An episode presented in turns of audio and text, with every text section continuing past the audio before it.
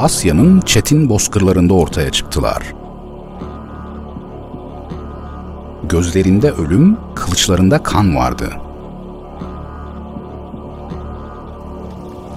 İsimleri korku ve dehşetle anılıyordu. Arkalarında harap olmuş şehirler, üst üste yığılmış ceset yığınları ve kesif bir duman kokusu altında alev almış kasabalar bırakıyorlardı.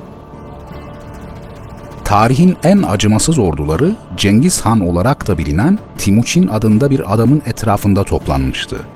Ve bu ordular onun her biri birbirinden yetenekli generalleri tarafından idare ediliyordu.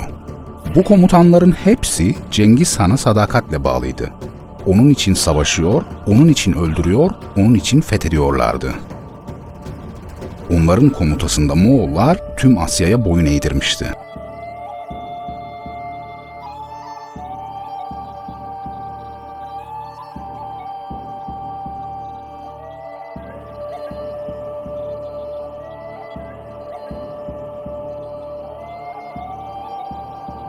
Belgütay, Cengiz Han'ın baba tarafından üvey kardeşiydi ve zaman içerisinde onun en önemli generallerinden biri haline gelmişti. Keskin zekası, sivri dili ve diplomatik alandaki yetenekleriyle dikkat çeken deneyimli komutan, ikna konusundaki doğal becerileri sebebiyle Cengiz Han tarafından pek çok ülkeye elçi olarak gönderilmişti. Ayrıca kaynaklarda anlatılanlar onun savaşmak ve öldürmek hususunda da oldukça başarılı olduğunu göstermektedir. Efsanevi anlatılarda bir dövüş sırasında Moğolların şampiyon güreşçisi olan Buri Boko'nun boynunu tek bir hamlede kırmayı başardığı rivayet edilir. Buna karşılık ne yazık ki Belgütay hakkında günümüze pek bir şey ulaşmamıştır. Ondan yiğit bir savaşçı olarak bahseden Raşidüddin Fazlullah, dönemin şartları için oldukça abartılı olarak Belgütay'ın 110 yaşına kadar yaşadığını ifade etmiştir. Yuan tarihinin yazarı Çinli tarihçi Yuan Shi ise Belgütay'ın Mönge Han'ın tahta çıktığı 1251 yılında hala hayatta olduğunu yazmıştır. Ve bu bilgiye göre Belgütay en az 90 yaşına kadar yaşamış olmalıdır.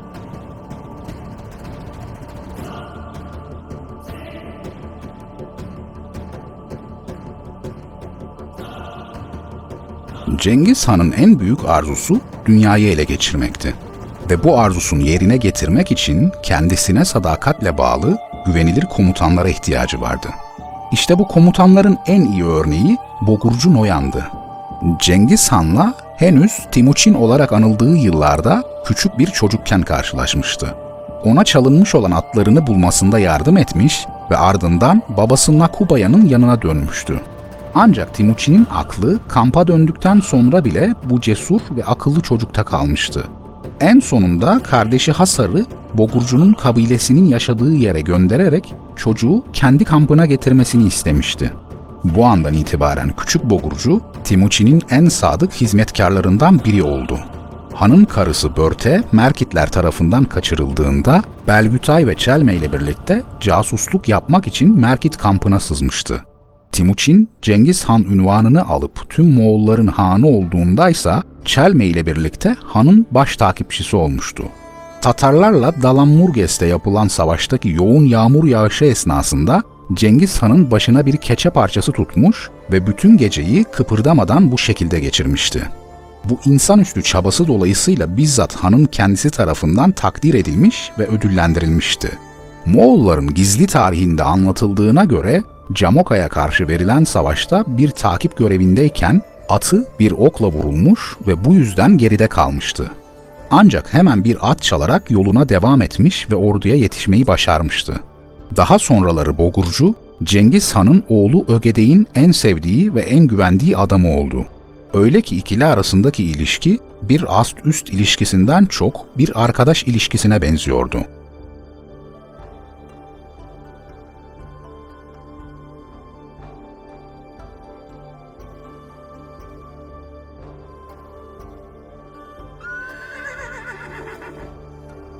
Mukali, Borjiginlerin kalıtsal selefleri olan Celayir boyuna mensuptu. Kabilesi 1197 yılında yapılan savaşlar sırasında Timuçin'e yenilmiş ve babasıyla amcaları ona boyun eğmek zorunda kalmışlardı. Bununla birlikte babası Mukali'yi Timuçin'e kişisel hizmetlerini karşılayacak bir köle olarak sunmuştu. Ancak genç adam yaratılış itibariyle hırçın bir yapıya sahipti. Bir köle olarak hizmet etmek istemiyordu ve bunu açıkça efendisine bildirmişti. Çocuğun bu cesaretinden ve açık sözlülüğünden etkilenen Timuçin ise onu ödüllendirmiş ve bu andan itibaren onunla yakın dost olmuştu. Timuçin'in 1206 kurultayı ile Cengiz Han olmasının ardından Mukali'ye 3. Tümen'in komutasının yanı sıra doğuda Kiminganlar üzerinde de hakimiyet verilmişti. 1211 yılında gerçekleşen ve Kuzey Çin'in fethinin ilk aşamasını temsil eden Yehuling Savaşı'nda önemli bir rol oynamıştı. Cengiz Han ona öylesine güveniyordu ki Harezm üzerine sefere çıktığında Doğu ordularını onun emrine vermişti. Sefer için Moğol birliklerinin büyük bir bölümü batıya yönelmişti. Bu sırada Mukali'nin emrinde ise yalnızca 20-40 bin civarında askerden oluşan bir tümen vardı. Çin kaynakları yardımcı kuvvetlerle birlikte ordunun mevcudunun 70 bin civarında olduğunu belirtmektedir. Ne olursa olsun Mukali, Cengiz Han Batı seferiyle meşgulken kendisine bırakılmış olan askerlerle Kuzey Çin'in neredeyse tamamını ele geçirmeyi başarmıştı. Ve onun bu başarıları 1223 yılındaki ölümüne kadar kesintisiz bir şekilde devam etti. Ölümünün ardından onun yerine oğlu Bol atandı. Ancak babası kadar dirayetli bir komutan olmadığı çok geçmeden anlaşılacaktı. Zira Kuzey Çin fetihleri Subutay ve Toluy önderliğinde gerçekleştirilen 1232 yılındaki sefere dek durma noktasına gelmiş, hatta gerilemeye başlamıştı.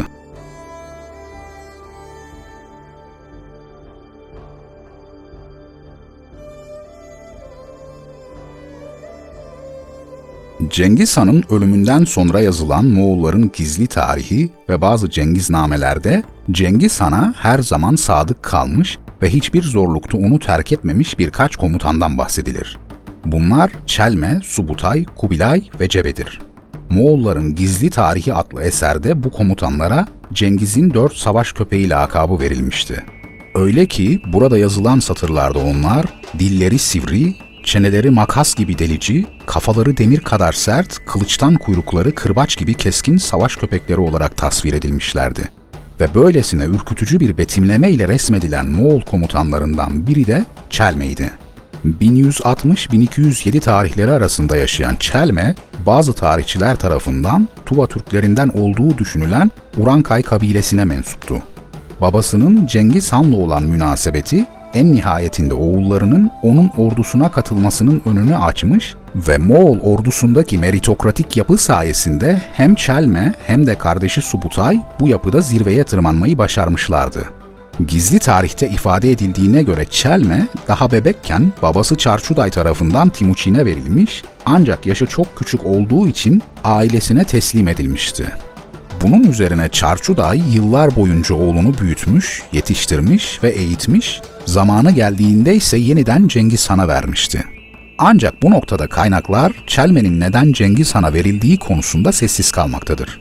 Çelme ile ilgili en bilinen olay Cengiz Han gelecekte komutanlarından biri olacak Cebe tarafından zehirli bir okla vurulduğunda Çelme'nin zehirli kanı emerek onun hayatını kurtarmasıdır. Ayrıca genç komutan bununla da kalmamış, yaraya sürmek için düşman kampına sızarak süt aramış fakat süt bulamayınca onun yerine sulandırılmış yoğurt getirmişti. Yıllar sonra tıpkı babasının hayatını kurtardığı gibi Cengiz Han'ın küçük oğlu Tuluy'un da düşman elinde ölecekken hayatını kurtarmıştı. Sadakati sebebiyle Çelme, Han'ın en sevdiği komutanlarından birine dönüşmüştü. Öyle ki Cengiz Han kendi kanunlarında geçen 9 suça kadar onu muaf tuttuğunu açıklamış, oğlu Yesun Teki ise 400 Bahadır'ın başına getirerek onurlandırmıştı.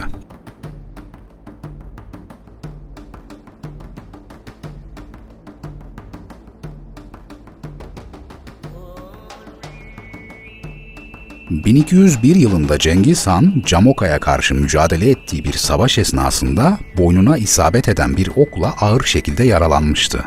Onun iyileşmesinde komutanlarından Çelmen'in nasıl bir rol oynadığından az önce bahsettik.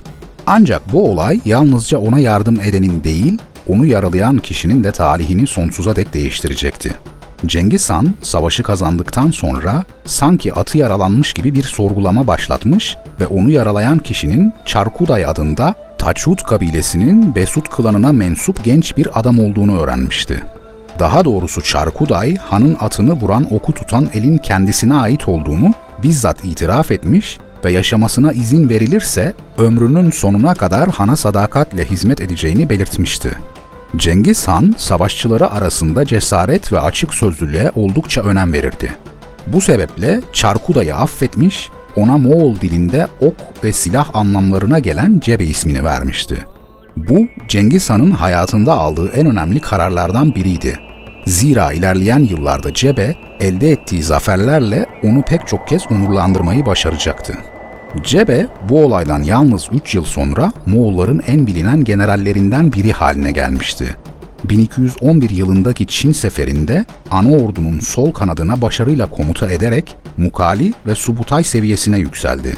Song hanedanına mensup tarihçilerden Zhao Hong, onun Cengiz Han'ın ordusundaki elit birliklere komuta ettiğini, üçüncü dereceden bir Çin valisine eşdeğer olduğunu yazmıştır.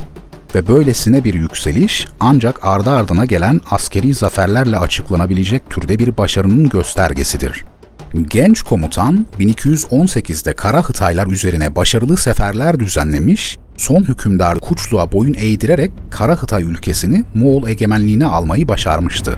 Bundan sonra Cebe bizzat Cengiz Han tarafından yürütülen Harezm seferine katıldı. 1219 yılında beraberindeki az sayıda kuvvetle ağır kış koşulları altında Tian Shan dağları geçidini aştı. Burada Muhammed Şah'ın 50 bin kişilik elit birliklerini gelip püskürtmesi ya da en azından oyalaması Moğol tarihindeki en büyük askeri başarılardan biriydi. Bundan sonra Cebe, Subutay ile birlikte 5. Haçlı Seferi'ne katılmak için hazırlık yapan Gürcüler ve Kafkas Bozkır kabilelerini, daha sonra ise Kalka Nehri Muharebesi'nde Kiev Ruslarını yenilgiye uğrattı. Ancak bu muharebenin ardından Cebe aniden ortadan kayboldu. Sanki birdenbire tarih sahnesinden silini vermişti. Tarihçi Stephen Poe onun Kalka Nehri Muharebesi'nde bir Kıpçak Türk'ü tarafından öldürüldüğünü iddia etse de Cebe'nin ölümü halen gizemini korumaya devam etmektedir. Ve bu gizemli ortadan kayboluşa rağmen Cebe, Çin, Orta Asya ve Doğu Avrupa'da kazandığı zaferlerle Moğol tarihine adını silinmez bir şekilde yazdırmayı başarmıştı.